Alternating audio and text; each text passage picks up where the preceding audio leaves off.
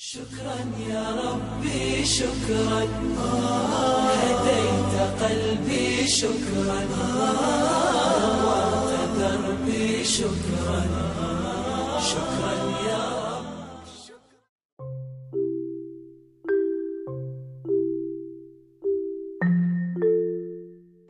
بسم الله الرحمن الرحيم. السلام عليكم ورحمة الله وبركاته. Ayah dan bunda peserta kuliah WhatsApp Parenting Insan Mandiri Jakarta. Baik orang tua murid Insan Mandiri Jakarta maupun seluruh insan mandiri dan juga beberapa tamu yang ada dari Sabang sampai Merauke. Karena saya tahu ada beberapa teman-teman yang dari Yogyakarta, dari Aceh, bahkan sampai dengan Papua. Hari ini bisa bergabung e, memenuhi kuota yang 50 Alhamdulillah mudah-mudahan hari ini kita bersama-sama berkah berkumpul dalam Kulwab Parenting Insan Mandiri Jakarta. Bismillah mari kita sama-sama buka dengan lafaz Basmalah. Bismillahirrahmanirrahim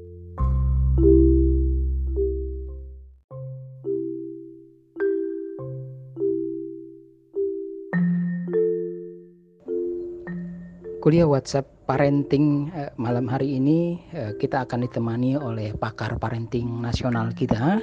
Dan alhamdulillah beliau juga sangat lekat dengan insan mandiri karena eh, sekaligus sebagai presiden direktur insan mandiri.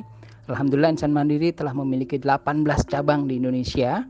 Dan insya Allah ini adalah berkat tangan-tangan beliau pembicara kita pada hari ini yakni Dr. Karim Santoso Presiden Direktur Insan Mandiri yang juga akan ditemani oleh Direktur Sekolah Insan Mandiri. Uh, beliau sangat kompak sekali karena memang beliau adalah uh, pasangan suami istri yang luar biasa, uh, kompak dalam pendidikan, pendidikannya juga sama dan insya Allah beliau telah memiliki satu anak yang hafal Al-Quran 30 juz. Subhanallah. Nanti kita akan lebih mengenal dengan beliau. Secara tektok sekalian suami istri ini akan membantu kita uh, terkait dengan tema pada malam hari ini yang luar biasa insya Allah.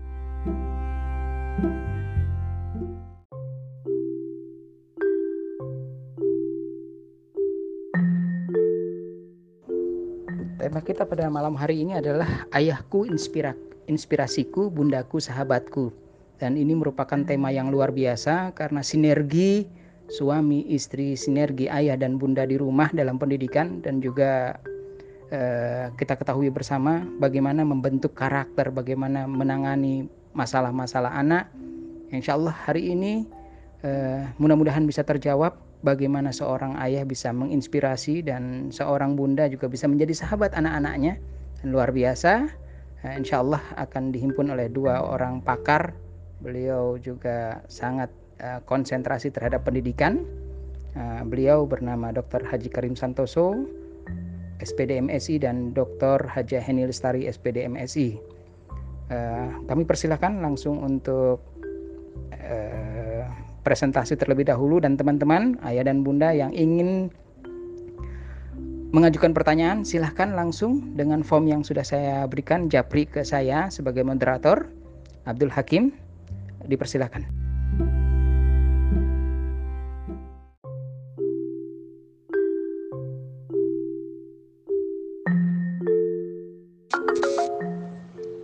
Bismillahirrahmanirrahim. Assalamualaikum warahmatullahi wabarakatuh. Alhamdulillah Allahumma salli ala Sayyidina Muhammad wa ala ali Sayyidina Muhammad. Rabbi syrah li sadri wa yasir li amri wa hlul uqdatan min lisani yafqahu qawli.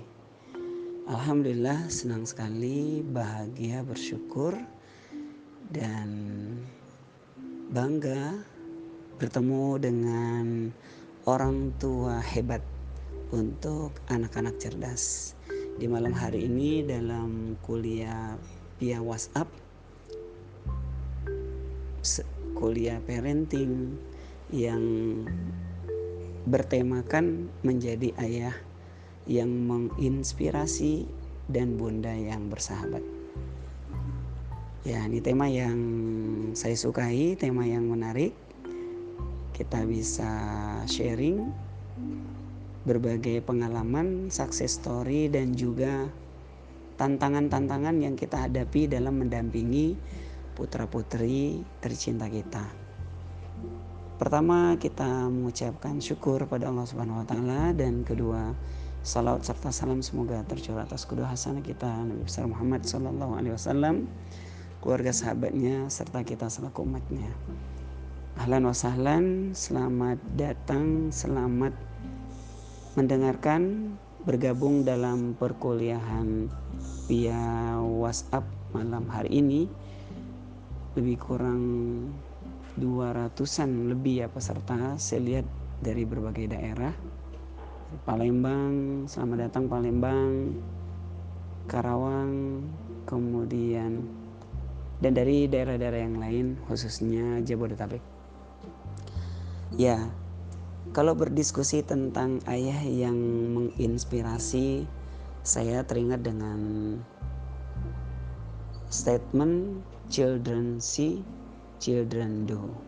Jadi untuk anak-anak milenial, untuk anak-anak hari ini, sepertinya memang kita lebih banyak memberikan figur, memberikan contoh-contoh aplikatif langsung terkait dengan inspirasi-inspirasi. Kedua, kita juga banyak melakukan komunikasi mendengar.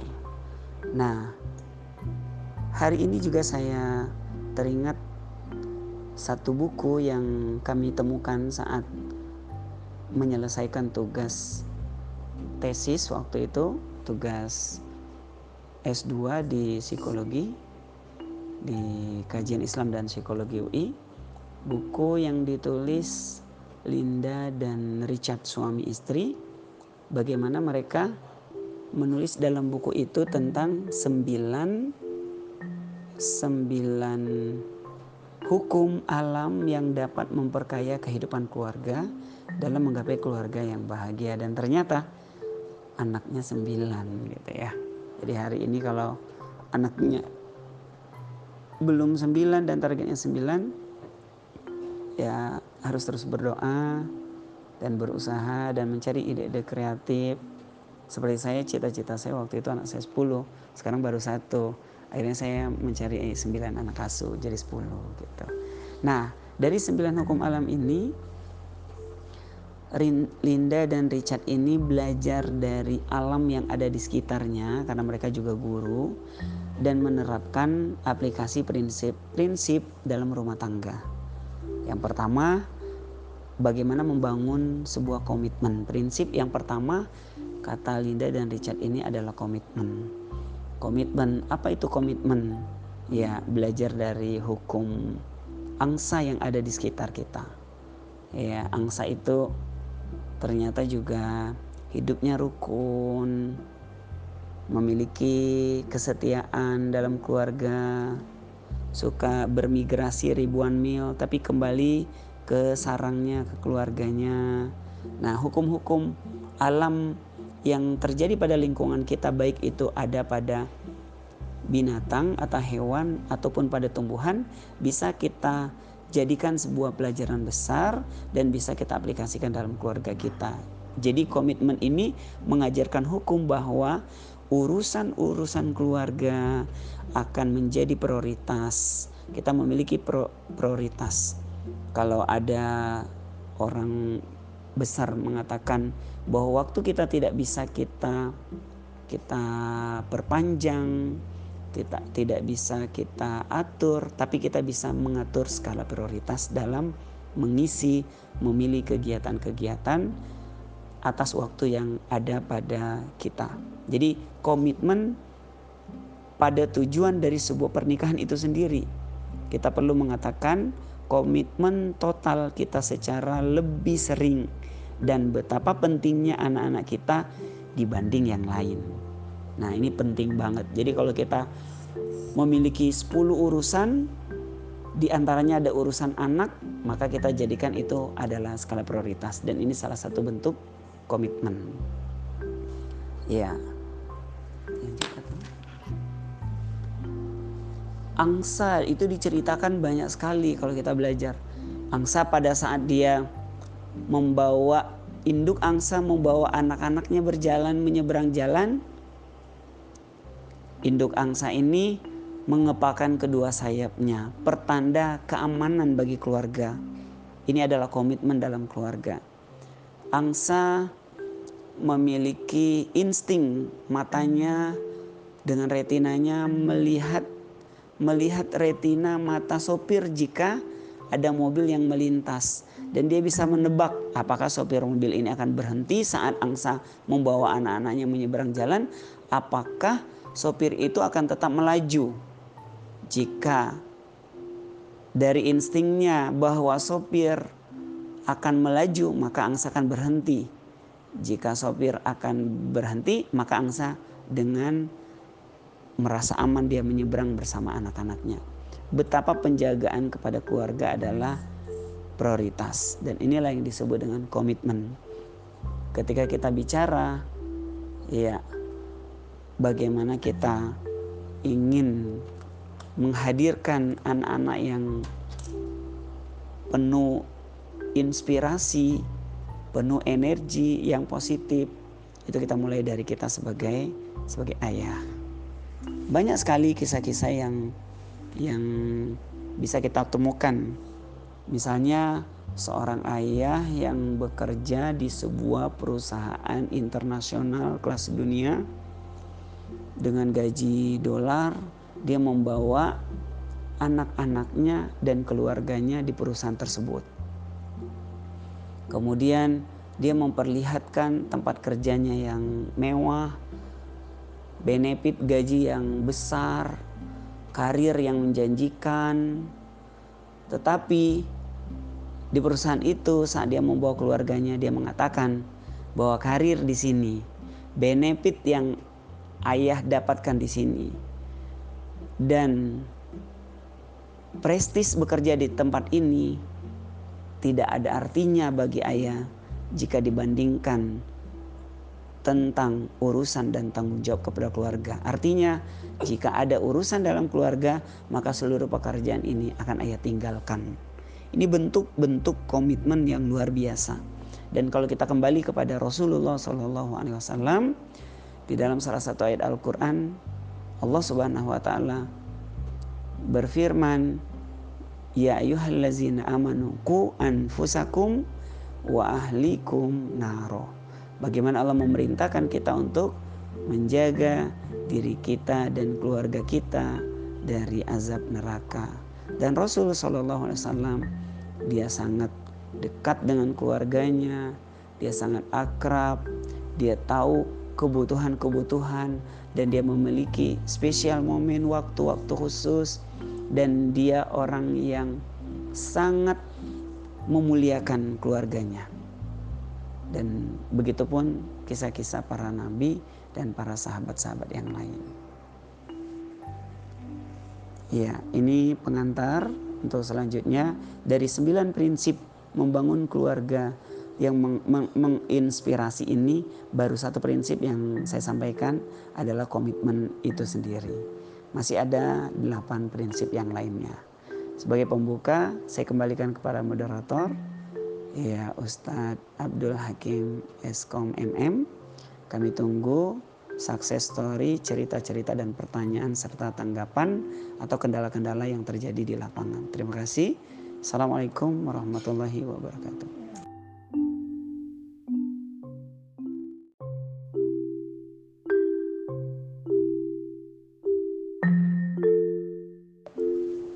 Ya, Assalamualaikum warahmatullahi wabarakatuh. Pertanyaan pertama dari Ibu Vina Widiawati dari Karawang. Seperti apa ya kita bisa menjadi sahabat bagi anak dan bagaimana seharusnya sikap kita menjadi orang tua yang dibanggakan dan selalu dirindukan. Ya. Dalam istilah komunikasi dan the seven habit itu ada habit be proactive.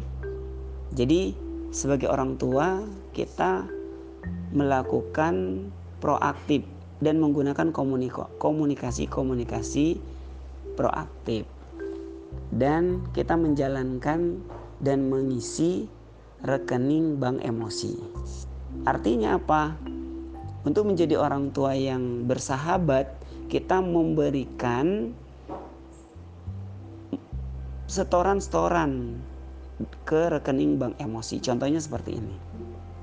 Misalnya, kalau ada pertanyaan, pernahkah sebagai orang tua menemukan anak yang melakukan perlawanan sikap atau akhlaknya tidak bagus kepada kita sebagai orang tua. Jika kita pernah mengalami hal itu atau kita memerintahkan kepada anak kita, anak kita tidak nurut misalnya, tidak mau menurut perintah kita. Sebenarnya harus kita cek itu bukan perintah kita terlalu berat atau anaknya tidak patuh, bisa jadi rekening bank emosi kita minus dalam perhitungan anak. Rekening bank emosi itu analogi dari kebaikan-kebaikan yang kita lakukan pada anak kita. Jadi sudah menjadi sunatullah sebelum kita mengharapkan anak kita menghormati kita, anak kita menghargai kita, anak kita patuh pada perintah keinginan kita, kita dulu melakukan kebaikan-kebaikan dan kebaikan itu harus dilakukan setulus mungkin walaupun dia anak kita. Makanya Kahlil Gibran mengatakan memang betul dia terlahir dari kita, tapi sebenarnya dia bukan milik kita. Dia adalah titipan. Ya. Contohnya gini, kalau saya sering menganalogikan misalnya ada seorang ibu punya anak SD misalnya kelas 1. Setiap hari Senin sang ibu menyiapkan sarapan pagi untuk anak Hari Selasa disiapkan sarapan Rabu, Kamis dan Jumat. Lima hari menyiapkan sarapan. Dan kalau dalam analogi rekening bank emosi, sang ibu mengatakan dia telah melakukan kebaikan pada anaknya bersusah payah menyiapkan sarapan ini. Dan dalam rekening bank emosi itu bagian dari setoran. Nah, sudah lima kali memberikan setoran. Pada hari Sabtunya misalnya, sang ibu minta tolong bantu pekerjaan di rumah atau ingin mengajak pergi sang anak, anaknya tidak mau atau mau istirahat tidak membantu. Apa yang terjadi? Sang ibu marah dan marah mengungkit lima hari kegiatannya menyiapkan sarapan dan marahnya betul-betul berulang-ulang di hari itu sehingga dalam timbangan sang anak lima hari kebaikan yang dilakukan oleh orang tua tadi sang ibu itu sudah hapus sudah terhapus dengan kemarahan sang ibu dalam satu hari. Ya, analogi le lebih detail lagi. Lima hari sang ibu pergi ke bank menabung setiap hari hari Senin 100 ribu, hari kedua 100 ribu, hari ketiga 100 ribu, hari keempat 100 ribu, hari Jumat kelima 100 ribu, tabungannya 500 ribu. Hari Sabtu sang ibu ini ke ATM, memencet ATM, menarik, menekan 600 ribu. Kira-kira keluar nggak uang 600 ribu? Tentu saja tidak karena tabungannya baru 500 ribu. Sang ibu mengatakan, saya sudah lima kali kok menabung. Kenapa sekali saja saya ngambil nggak bisa? Ternyata jumlah lima hari dengan jumlah sehari itu berbeda. Akhirnya uangnya tidak keluar karena nggak cukup. Nah inilah sebuah analogi rekening bank emosi orang tua kepada anak. Menurut kita kita sudah melakukan kebaikan-kebaikan-kebaikan tetapi itu nilainya sangat kecil. Pada saat kita melakukan keburukan kita melakukannya dengan sangat tragis, dengan sangat sadis, dengan sangat kasar dan rekening bank kebaikan atau rekening bank emosi kita sudah minus di hadapan, di hadapan anak dan itu akan menjadi penyebab anak kita tidak patuh pada kita. Nah ini versi orang tua dia telah memberikan setoran berupa sarapan lima hari. Ternyata ketika kita cross check, kita tanya kepada anak, sang anak juga tidak menyukai persiapan sarapan-sarapan itu dari sisi menunya, kemudian cara orang tua bagi anak sarapan yang menurut ibu tadi setoran bagi anak juga sudah merupakan tarikan. Nah di sini kita tidak akan ketemu, tidak matching antara setoran dan tarikan versi anak dan orang tua. Karenanya menjadi orang tua yang menginspirasi, menjadi orang tua yang bersahabat, kita perlu waktu khusus untuk ngobrol, berdiskusi sepekan sekali dan di situ dari hati ke hati di mana orang tua berada pada gelombang otak alfa dia tidak sedang punya masalah dan anak pun sedang tidak berada dalam masalah. Sehingga clear dan di situlah kita menanamkan konsep nilai-nilai karakter prinsip hidup target mimpi-mimpi besar keluarga dan itu tersampaikan dari hati ke hati bahkan di situ juga di pertemuan rutin sepekan sekali kita bisa mengevaluasi kegiatan-kegiatan yang belum tercapai bagi anak kita atau kita bisa memberikan apresiasi atas hal-hal yang telah dicapainya. Jadi di antara kunci untuk menjadi sahabat kita ada waktu secara spesial. Kalau di kantor kita ada jadwal meeting bersama karyawan kalau kita pimpinan.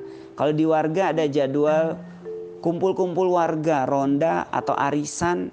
Nah di rumah wajib kita melakukan perkumpulan sepekan sekali berkumpul dengan anak, dengan pasangan, dengan keluarga untuk membahas tema-tema penting tentang mimpi-mimpi besar keluarga kita. Sehingga kita lebih akrab. Jadi jangan duduk berdiskusi ketika sudah ada masalah. Jadi ini langkah preventif pencegahan sebelum masalah-masalah terjadi. Ya. Ini cara yang bisa kita lakukan. Terima kasih, sukses buat Ibu di Karawang.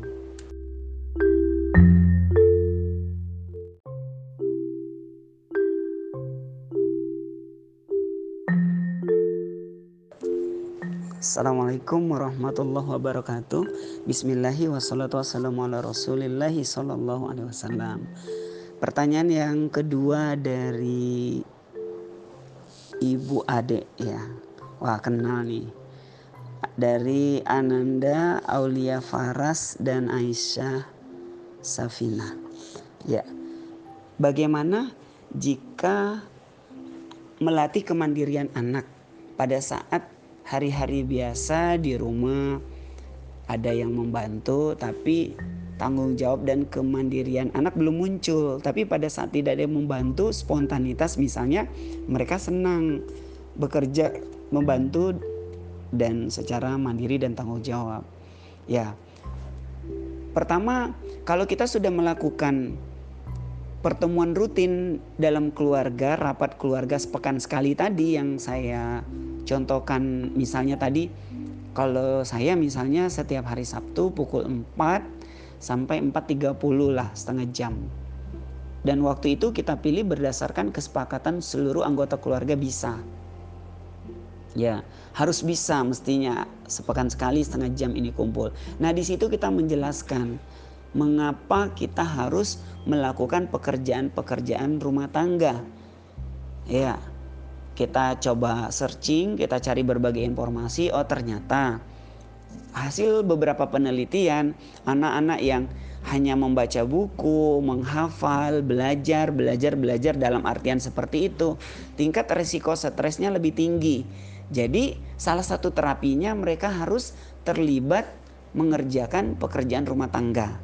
Misalnya tadi mencuci piring, kemudian menyapu, mengepel dan sebagainya. Dan ini ternyata dilakukan oleh sebagian besar orang tua zaman dulu, ya. Mereka memiliki anak banyak dan sudah diberi tugas masing-masing. Ya, misalnya anaknya tujuh misalnya. Ada yang bagian nyapu, bagian ngepel, bagian mencuci. Nah, ini dibahas pada saat pertemuan rutin itu karena anak sedang berada pada posisi nyaman. Jadi, informasi atau tugas atau tantangan yang kita berikan pada saat mereka nyaman, mereka lebih siap menerimanya. Ya. Kemudian dari sisi tingkat kemandirian. Dari sisi yang lain kita bisa pendekatan secara agama ketika mereka bekerja melakukan pekerjaan rumah tangga dan itu membantu orang tua, membantu bibi yang bekerja di rumah, ada nilai pahalanya. Investasi amal. Kita misalnya ngambil cerita dari kitab Riyadus Solihin misalnya ada tiga kisah orang yang terjebak di gua, kemudian dia berdoa dan dia menyampaikan amal-amal khususnya yang setiap hari dia lakukan.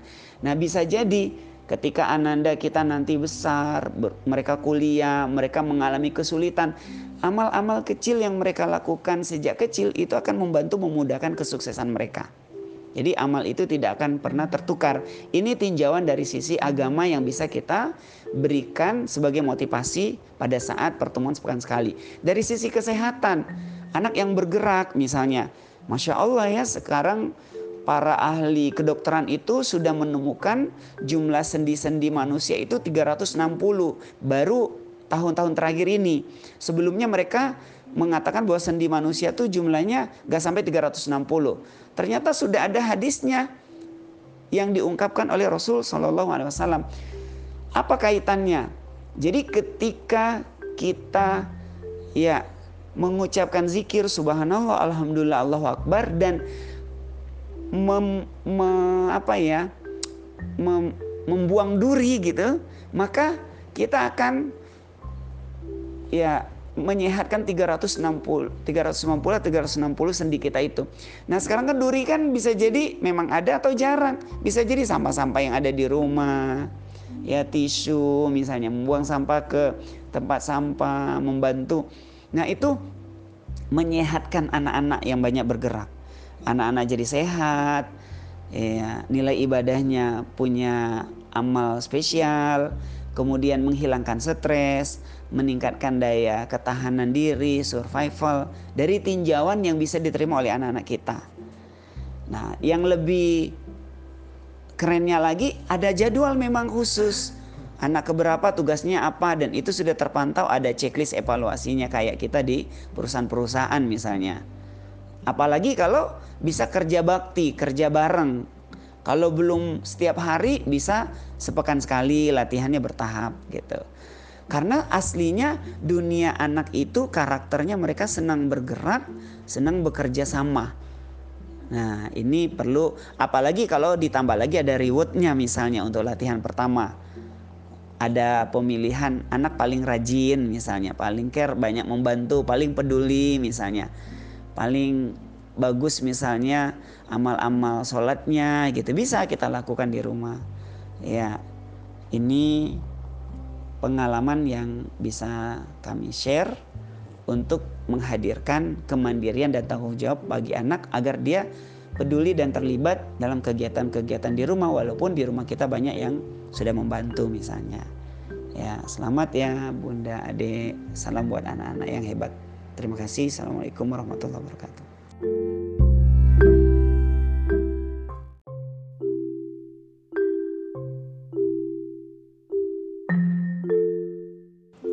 Assalamualaikum warahmatullahi wabarakatuh Mama Firza, Mama Kenzi Alhamdulillah bisa ketemu lagi walaupun lewat udara ya uh, Pertanyaan dari Bunda Firza dan Bunda Kenzi terkait dengan MIR gitu ya atau Multiple Intelligent Reset. Uh, Bunda, salah satu kegunaan hasil MIR yang pertama adalah melihat potensi kecerdasan anak. Uh, memang yang digunakan di insan mandiri adalah um, multiple intelligent reset yang digulirkan teorinya oleh Howard Gardner. Menurut Howard Gardner sebagaimana kita baca ya di buku-bukunya e, minimal atau paling sedikit ada delapan kecerdasan yang dimiliki oleh anak. Antara lain misalnya kecerdasan bahasa atau linguistik, kecerdasan matematika atau matematis logis, kecerdasan musik, kecerdasan gerak atau kinestetis, dan lain-lain ya, ada delapan. Nah, uh, Selain itu juga hasil MIR ini juga ketika kita sudah mengetahui e, dominasi kecerdasan anak digunakan untuk melihat gaya e, gaya belajar anak dan bagaimana guru masuk e, dalam memberikan proses pembelajaran sesuai dengan gaya anak tersebut. Misalnya gini, Bunda. Misalnya ada guru yang melihat di mayoritas anak di kelasnya itu memiliki kecerdasan kinestetis. Misalnya dari 25 anak misalnya ya 15 anak rata-rata ini kecerdasannya ini kinestetis gitu. Maka guru ketika dia mengajarkan suatu konsep harus pakai metode yang mengakomodir kecerdasan kinestetis anak tersebut. Misalnya belajar uh, matematika misalnya kelas berapa ya misalnya kelas 2 deh belajar matematika kelas 2 oh murid saya ini rata-rata dominasinya kecerdasannya kinestetis. Nah, gimana ya mengajarkan matematikanya yang membuat mereka tuh enjoy karena sesuai dengan gaya mereka. Nah, misalnya pem, uh, pelajaran matematika uh, penjumlahan, gitu ya. Misalnya guru melakukan uh, games ya atau permainan, ya, misalnya gini. Um, kumpulkan benda-benda yang ada di kelas sebanyak uh, dua buah gitu kan misalnya gitulah. Lalu cari lagi benda-benda uh, dua lagi gitu. Nah kumpulkan semua benda yang telah kalian dapatkan misalnya ya itu contoh. Nah berapa jadi jumlah benda kalian sekarang? Kan? Berarti gitu ya dua tambah dua menjadi empat gitu ya misalnya. Misalnya seperti itu. Atau anak dibawa ke lapangan. Atau kalau tidak memungkinkan di kelas tapi tadi guru menyiapkan e, media pembelajaran seperti apa yang bisa mengakomodir kecerdasan kinestetis anak tersebut gitu. Nah, apakah guru mendapatkan perhatian khusus untuk menstimulasi? Ya, tentu saja gitu. Walaupun uh, bertahap karena memang pelatihan bir ini juga ada uh, pertama itu tingkat ada tingkat-tingkatannya. Pertama ting uh, misalnya tingkat uh, tingkat satu apa dulu yang diberikan pelatihan ke gurunya seperti itu ya jadi uh, pasti pasti guru itu ketika mengajar di insan mandiri pertama adalah mendapatkan pelatihan seperti itu dan memang tidak cukup sekali uh, itu bertahap. Nah, agar Bunda Kenzi dan Bunda Firza serta bunda-bunda yang lainnya ingin lebih tahu jelas uh, tentang apa sih kegunaan MIR, boleh juga nanti kita kopi darat lagi untuk uh, menyelesaikan mungkin materi paket materi MIR yang uh, akan kami sampaikan. Insya Allah juga jawabannya akan dilengkapi oleh uh, Pak Karim. Terima kasih Bunda Firza dan Kenzi. Saya tunggu ya kopi daratnya. Assalamualaikum warahmatullahi wabarakatuh.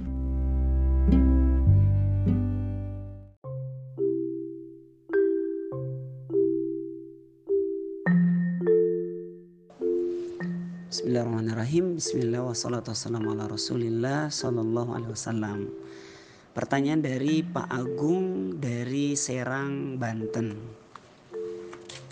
Anaknya Kania berusia 10 tahun. Anak saya belum bisa bangun pagi dan masih harus disuruh atau dipaksa sholat. Bagaimana caranya? Biasanya kita membuat pola. Pola itu jam berapa bangun, jam berapa tidur. Nah, biasanya anak-anak yang agak susah bangun subuh secara umum ya mereka itu tidurnya pada sudah terlalu larut malam misalnya di atas jam 9 nah buatkan pola bagaimana anak jam 9 itu sudah tidur gitu. Alhamdulillah kami membuat pola bagi anak kami mereka anak kami biasa tidur setelah sholat isya. Jadi bangunnya tuh gampang sekali ya. Rata-rata pukul 4 sejak kecil sudah bangun dan bisa tahajud secara rutin gitu. Nah, terus ada pertanyaan lagi, anak saya misalnya, anak bapak ibu misalnya jangankan habis isa jam 9 aja belum ngantuk. Nah, kita lihat ke belakang, apakah siang harinya tidur? Kalau siang hari tidur, ya misalnya habis zuhur, habis asar tidur, ya benar setelah isya dan jam 9 dia belum ngantuk Karenanya kan kita membuat pola-polanya kita jangan jangan biasakan misalnya tidur setelah asar atau setelah zuhur gitu. Terus berikan mereka banyak kegiatan yang melibatkan fisik, aktivitas. Kalau anaknya perempuan misalnya apakah pergi ke TPA, bermain di sekitaran rumah yang melibatkan fisik. Ya, kegiatan bersepeda, Permainan-permainan tradisional juga banyak, berenang, bermain layang-layang, bermain yang melibatkan fisik sehingga dia ketika setelah maghrib setelah isya dia sudah lelah. Jadi itu mempercepat dia untuk tidur. Nah, Jadi ketika anak cepat tidur, kemungkinan untuk cepat bangun itu lebih lebih mudah. Kedua, pada saat sebelum tidur pastikan anak-anak itu berada dalam posisi yang nyaman. Misalnya kita ceritakan dengan dongeng-dongeng sebelum tidur yang seru, yang dia sukai, kita temani gitu. Jadi jangan cerita yang serem atau atau dia punya pengalaman sebelum tidur kena marah orang tuanya marah tidur nggak gitu.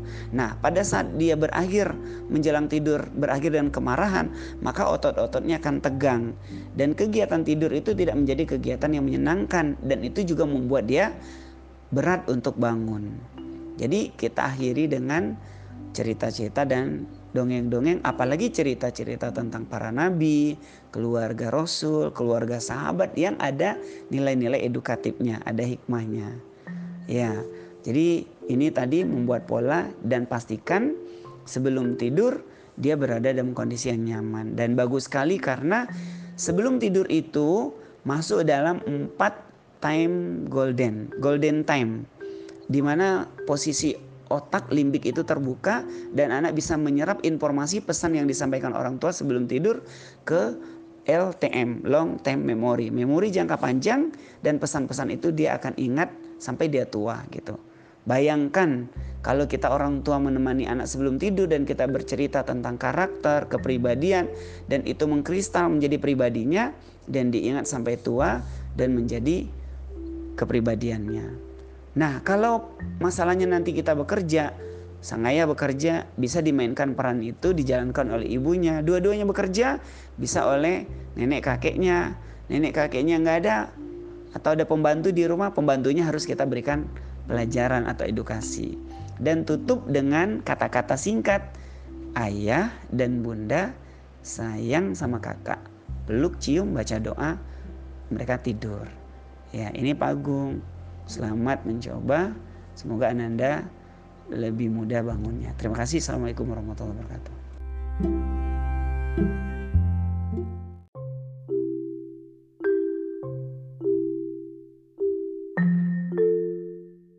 Assalamualaikum warahmatullahi wabarakatuh.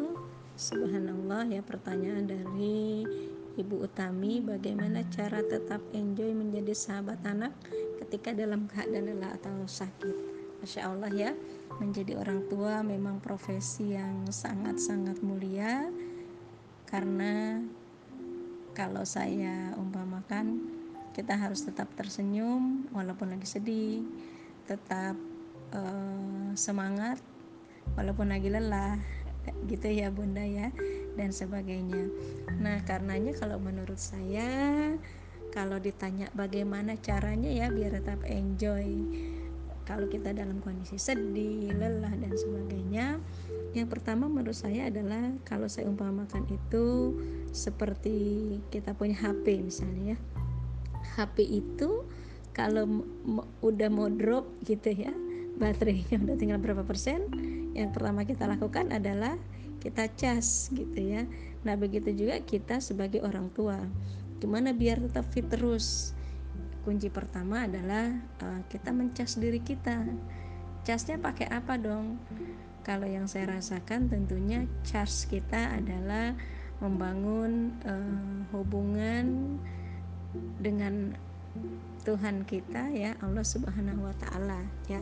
Karena ya saya selalu mengatakan kepada para orang tua ya apalagi ibu ya e, hal pertama yang dilakukan sebelum yang lain-lainnya adalah bangun di sepertiga malam atau dua pertiga malam.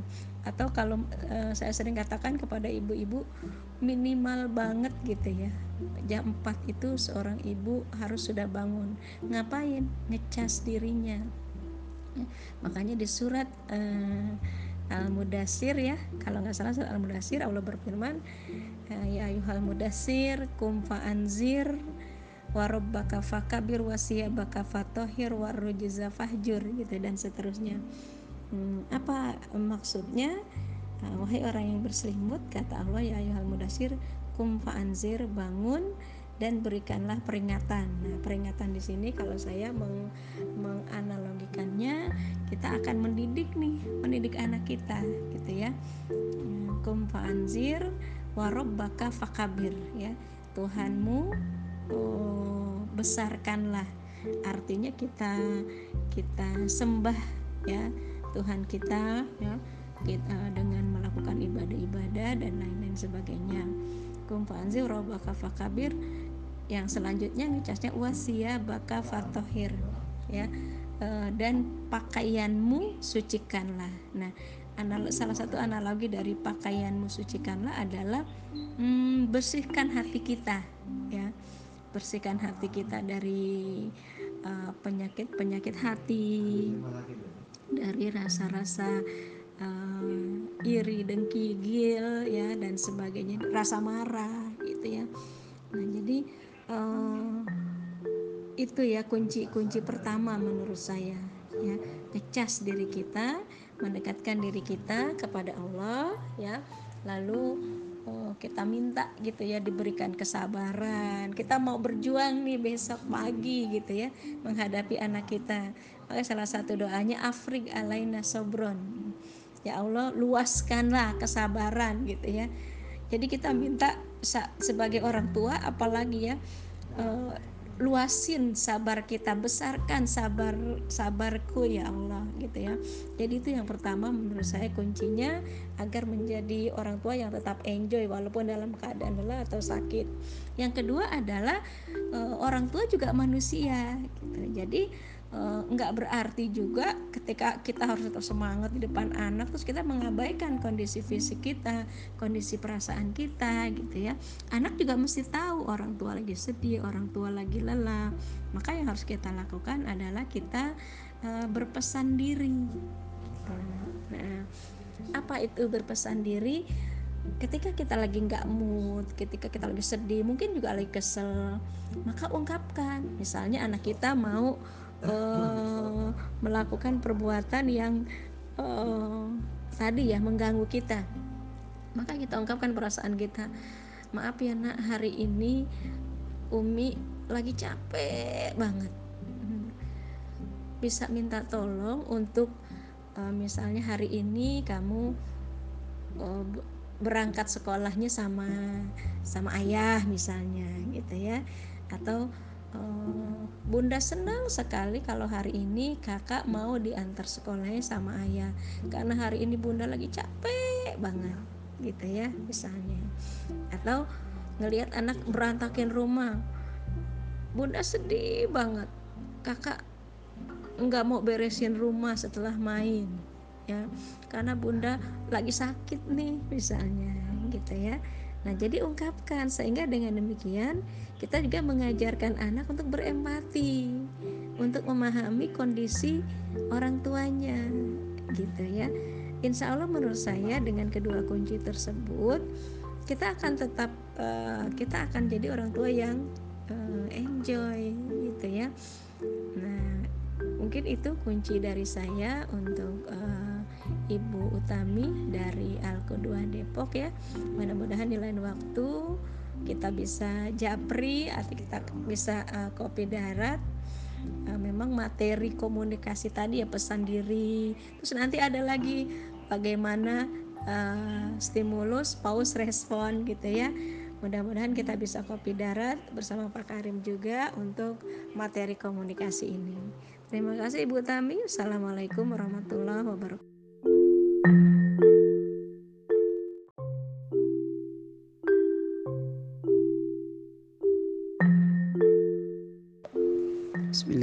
Bismillahirrahmanirrahim. Assalamualaikum warahmatullahi wabarakatuh. Bismillahi wassalatu wassalamu ala rasulillah. Pertanyaan selanjutnya dari orang tua Ananda Naufal Rashid Al-Nawawi Dari Karawang. Ya Pertama kami ucapkan selamat ya buat kedua orang tuanya dan Ananda Naufal yang sudah hafal juz 30 Nah bagaimana cara menjaga konsistensi hafalan? Kemudian ya kemudian misalnya anak-anaknya lupa gitu. Ya sangat mungkin terjadi. Tidak apa-apa karena anak-anak ini kan mereka masih panjang perjalanannya. Memang banyak banyak teori, banyak strategi, banyak cara. Ada yang dihafal saja semuanya juz 30, kemudian juz 29, 28, 27. Nanti baru dia melakukan murojaah menghafal ulang, memutkinkannya gitu. Karena ada juga anak yang kalau diulang-ulang terus dia malah terbebani gitu. Kan usianya masih usia perkembangan. Tapi insya Allah ketika dia punya pengalaman hafal, ketika pada saat mengulang lagi, insya Allah lebih mudah proses menghafalnya. Nah, terus bagaimana cara? Anak-anak ini kan punya pengalaman sendiri-sendiri. Misalnya pada saat saya berkomunikasi dengan anak saya, saya bertanya, "Abang lebih senang menghafal sebelum subuh, murojaannya setelah subuh atau jam 8 pagi atau habis zuhur atau habis asar, habis maghrib, maghrib atau habis isya?" Dia bilang dia lebih senang pukul 8 Berarti pukul 8 itu di sekolah gitu. Nah, berarti kita komunikasikan dengan guru di sekolah. Jadi kalau misalnya setiap habis sholat ya anak-anaknya kelelahan capek. Jadi ada satu waktu aja satu momen. Misalnya tadi habis asar misalnya gitu atau habis maghrib gitu. Nah itu jadi rutin dibiasakan. Jadi waktunya kalau bisa jangan berubah-berubah jadi itu konsisten, konsistensi latihan dari sisi waktu. Kemudian dari sisi cara dan metodenya, apakah kita yang baca, dia mendengarkan, kita putar murotalnya misalnya, dia hanya mendengarkan. Jadi jangan dia juga yang baca terus dia jadi capek. Jadi perhatikan, cari waktu yang paling dia sukai dan metode cara yang dia sukai. Kemudian dengan kuis atau menyambung ayat, kita baca dan nyambungin jadi orang tuanya juga terlibat di situ. Insya Allah anak akan enjoy karena kita hadir di situ dan terlibat.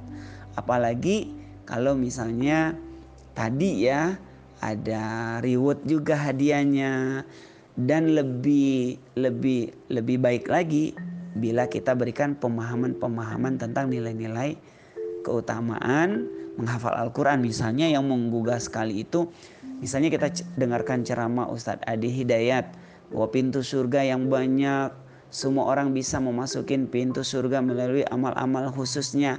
Tapi bagi penghafal Al-Quran, Allah pasangkan permadani dan Allah sambut. Dan dia bisa menaiki surga yang tertinggi. Dia menjadi keluarga Allah. Itu luar biasa. Banyak sekali kisah-kisah yang memotivasi anak-anak kita. Dan terakhir, bagusnya juga kita sebagai orang tua juga menghafal juga. Jadi kita tahu betapa beratnya ya perjuangan menghafal Al-Quran. Jadi kita nggak nyuruh aja. Jadi kita berlomba di situ gitu. Selamat ya buat Ananda Naufal kelas 1 sudah hafal juz 30. Wah, ini luar biasa prestasi yang yang luar biasa. Assalamualaikum warahmatullahi wabarakatuh.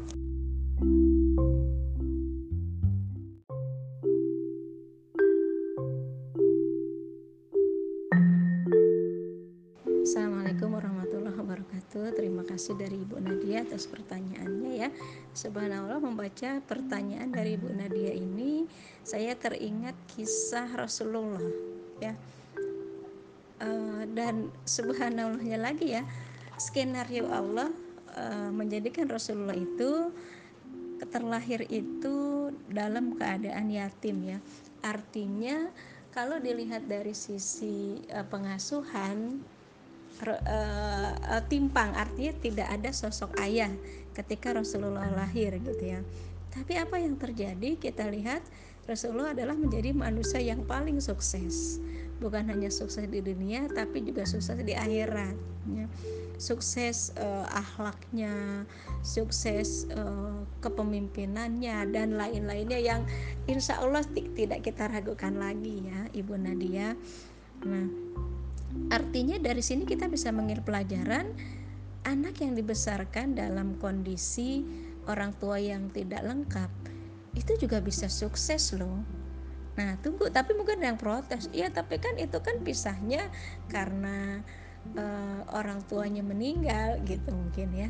Nah, uh, menurut saya yang terpenting adalah kalau saya pribadi gitu ya, uh, ketika misalnya berpisahnya bukan karena meninggal gitu ya itu adalah eh, pertama kita kita yakini itu bagian dari takdir gitu ya. Nah, kedua kita terus sebagai ibu atau sebagai ayah ya terus memperbaiki diri kita gitu ya. Karena walaupun adik anak tidak mendapatkan sepertinya kita lihat tidak mendapatkan uh, kasih sayang yang utuh dalam satu rumah ada ayah dan ibunya.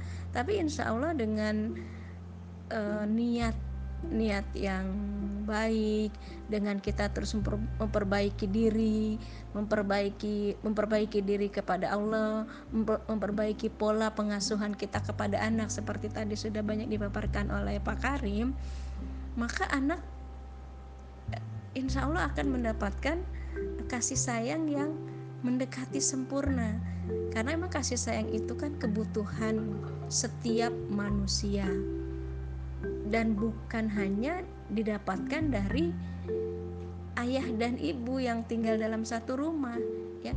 Misalnya kita lihat tadi Rasulullah ketika sosok ayahnya tidak ada Rasul mendapatkan kasih sayang seorang ayah adalah dari kakeknya lalu juga dari pamannya gitu ya. Nah jadi uh, anak tetap mendapatkan uh, kasih sayang kebutuhan kasih sayangnya tetap terpenuhi gitu ya. Atau kita lihat juga uh, kisah uh, Nabi Ismail ya. Kalau kita baca sejarah Nabi Ismail itu dari bayi sampai umur kira-kira uh, 12-an tahun ya itu dibesarkan oleh cuma sosok seorang ibu tidak dengan fasilitas materi yang lengkap ya kalau kita baca sejarahnya. Tapi kita lihat sosok ibu yang hebat seperti Siti Hajar ya dapat melahirkan uh, profil anak sekelas Nabi Ismail. Artinya ketika mendidik uh, Ismail dari bayi sampai umur belasan tahun itu, Siti Hajar juga tidak ditemani oleh sosok seorang suami gitu. Nah, tapi dengan kehebatannya Siti Hajar bisa menghasilkan anak sekelas Nabi Ismail. Atau kalau kita, uh, Bu Nadia juga bisa buka surat At-Tahrim ayat-ayat terakhir. Di situ Allah memperumakan ada tiga wanita. Uh, pertama istri Nabi Lut dan istri Nabi Nuh. Ya, kata Allah di situ mereka padahal tinggal bersama suami yang soleh, gitu ya. Tapi merekanya uh, tidak tidak ikut kesolehan suaminya artinya uh, uh, saya mau, mau bicara gini hidayah dari Allah itu uh, harus diusahakan gitu loh. Yang kedua di di situ di ayat itu bagaimana sosok Siti Asia. Walaupun dia hidup dengan suami yang tidak soleh ya jangankan soleh ya bahkan uh, apa ya musuh musuhnya Allah gitu kan. Tapi Siti Asia uh, menjadi salah satu wanita yang dibangunkan rumah di surga gitu kan. Terus yang ketiga di surat itu sosok Siti Maryam yang membesarkan Nabi Isa juga uh, sendirian gitu ya. Nah, artinya apa? Ketika karena takdir Allah ibu eh, seorang uh, suami istri harus berpisah ya maka yang pertama adalah kita istighfar atas segala kesalahan-kesalahan kita. Kita memperbaiki diri eh, dan kita bekerja sama dengan orang-orang sekitar kita keluarga ya misalnya tadi kakek nenek paman dan sebagainya untuk bersama mendidik anak kita. Dan juga jika memang ayahnya masih ada atau ibunya masih ada ya maka jangan putuskan hubungan anak dengan orang tuanya. Gitu ya jadi mudah uh, mudah-mudahan anak tidak kehilangan sosok kasih sayang dari orang tua yang lengkap. Dan jangan lupa juga banyak juga anak yang hidup di tengah keluarga yang orang tuanya ayah ibunya satu rumah tapi juga mereka uh, tidak sukses tidak sukses gitu ya. Itu saja dari saya Bu Nadia. Tetap semangat. Assalamualaikum warahmatullahi wabarakatuh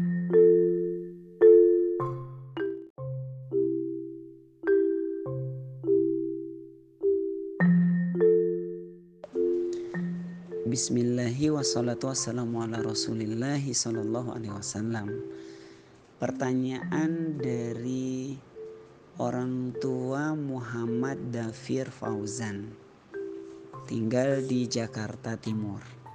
Bagaimana cara biar terus konsisten dalam berkomitmen? Ya, nah pertama sekali kita di dalam The Seven Habit itu ada habit yang kedua ya yaitu memulai dengan tujuan akhir.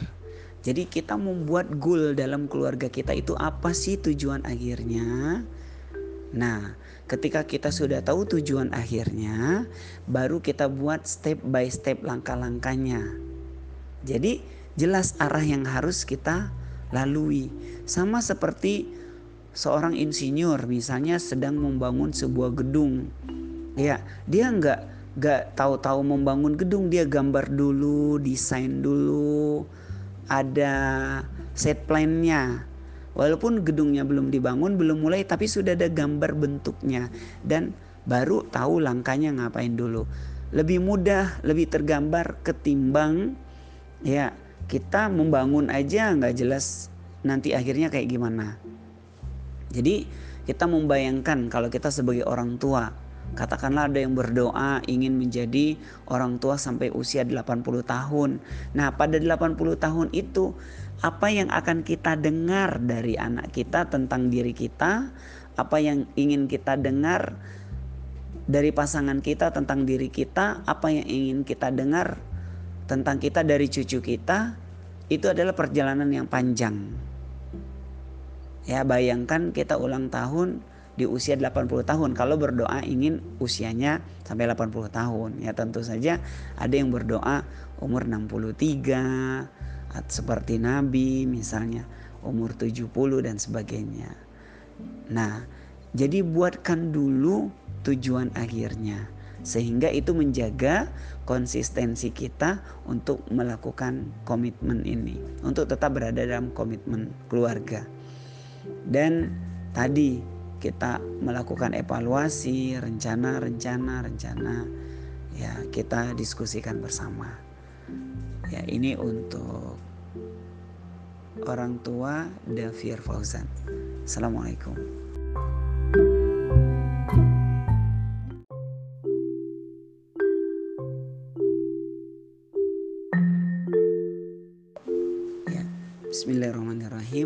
Bismillahi wassalatu wassalamu ala rasulillahi Sallallahu alaihi wasallam. Pertanyaan dari Ibu Ita Mutajiyah. Ya Bagaimana memberikan motivasi bagi anak yang telah merasa kehilangan harapan karena ayahnya sudah tiada? Ya sebenarnya kita ketika kita sudah memiliki program di dalam rumah tangga misalnya tadi saya selalu mengingatkan pertemuan pekanan. Nah, di pertemuan pekanan itu kita menyampaikan misalnya tema-tema yang kita berikan katakanlah tema tentang sholat, patuh pada orang tua, kemudian cita-cita dan sebagainya. Sampai ada satu kali tema jika orang tua kita meninggal. Ya, itu dilakukan oleh para ulama juga kepada anak-anaknya. Misalnya Nabi Yakub kalau nggak salah ya. Jadi apa yang akan kalian sembah ketika aku meninggal? Itu sudah disampaikan oleh orang tuanya pada anak-anaknya. Tapi biasanya tahapan itu pada tema-tema selanjutnya. Kalau pada awal belum, karena kalau pada awal anak-anak kan bilang, Abi, Umi jangan cerita tentang Abi Umi meninggal dong, kita jadi sedih karena dia belum siap. Tapi tema itu harus tetap disampaikan. Apalagi kalau kita sudah punya mission statement dalam keluarga. Sampai dikasih tahu Umi bercita-cita meninggalnya di umur segini. Maunya pada saat meninggal sedang sedang ngapain misalnya sedang baca Quran atau sedang sholat gitu di mana hari apa jadi ini sudah tahu anak-anak kita bahwa rencana kita ini kalau benar-benar terstruktur dengan baik. Sama seperti Abu uh, Umar misalnya dia berdoa ingin meninggal pada saat dia sholat. Misalnya Utsman pada saat membaca Al-Quran dan itu terkabul. Nah kalau belum belum di share belum dibahas tema ini qadarullah Allah takdirkan orang tua dari anak-anak ini meninggal atau pasangan kita meninggal, nah berarti di situ kita punya punya PR untuk melakukan pembahasan tema ini. Ya, jadi PR temanya. Sama dengan misalnya tadi kebutuhan fitrah anak mendapat kasih sayang yang sempurna dari ayah dan ibu, kemudian salah satunya sudah meninggal atau berpisah, anak harus dapat kasih sayang yang sempurna dari siapa? Terserah bisa dari kakeknya, bisa dari neneknya, bisa dari paman, uak dan sebagainya. Makanya kalau misalnya yang meninggal orang tua yang laki, berarti kita sering-sering bawa ke keluarga yang yang ada laki misalnya ke rumah omnya atau ke rumah kakeknya. Jadi figur kebutuhan tentang ayah dia dapatkan. Dan itu juga terjadi pada tadi pada Rasul Shallallahu Alaihi Wasallam. Ketika dia dalam kandungan ibunya Siti Aminah Abdullah Allah takdirkan meninggal tetapi dia mendapat kasih sayang yang sempurna dari kakeknya. Jadi sama dari siapa pun. Makanya kalau dulu para ulama dulu orang tua dulu menitipkan anak di rumah ulamanya gitu. Tapi berjalan program-programnya. Jadi insya Allah di, kita jelaskan di pertemuan perkanan itu nanti kita akan kembali bertemu ya. Tentu saja menurut saya perlu proses yang panjang. Jadi gak bisa sekali gitu menyadarkan hal ini dan kita bisa juga bercerita kasus-kasus keluarga yang bisa jadi lebih lebih banyak challenge-nya tantangannya ketika masih kecil gitu dan sebagainya semoga Allah berkahi keluarganya Bu Ita mutajiah dan anak-anaknya menjadi anak yang soleh dan soleha. Assalamualaikum warahmatullahi wabarakatuh.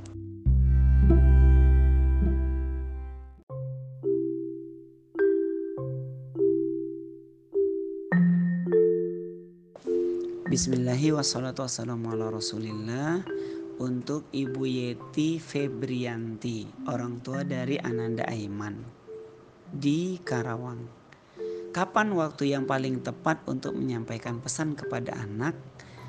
Ya, ada empat golden time tadi ya. Waktu keemasan di mana kita bisa menyampaikan pesan sehingga anak bisa mengingatnya dalam waktu yang panjang, long time memory, memori jangka panjang. Bahkan dia ingat sampai sampai tua. Pada saat kapan mau tidur, kemudian bangun tidur, pada saat kita baru bertemu dan terakhir mau berpisah. Tapi waktunya memang sangat singkat. Ya, ukuran menit dan detik. Makanya pesannya singkat-singkat saja. Nah, terus ada kalau mau panjang, ya tadi yang saya bilang pertemuan rutin pekanan, misalnya setiap Sabtu setengah jam. Nah di situlah sudah terjadwal, anak-anak sudah dikondisikan, dia sudah tahu itu waktu spesial. Diawali dengan kita memberikan apresiasi prestasi-prestasi dia seminggu yang lalu kemudian kita mendengar aspirasi-aspirasi keinginan anak baru kita memberikan pesan ya ini untuk Ibu Yeti sukses ya Bu buat anak-anaknya terima kasih Assalamualaikum warahmatullahi wabarakatuh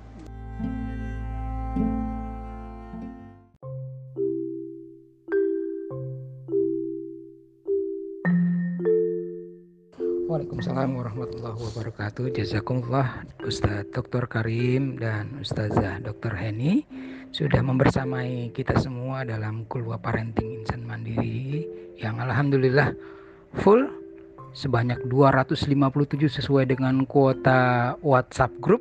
Alhamdulillah eh, penuh. Terima kasih atas jawaban-jawabannya dan masih banyak sekali pertanyaan-pertanyaan yang masuk. Insya Allah kita akan jawab via Japri.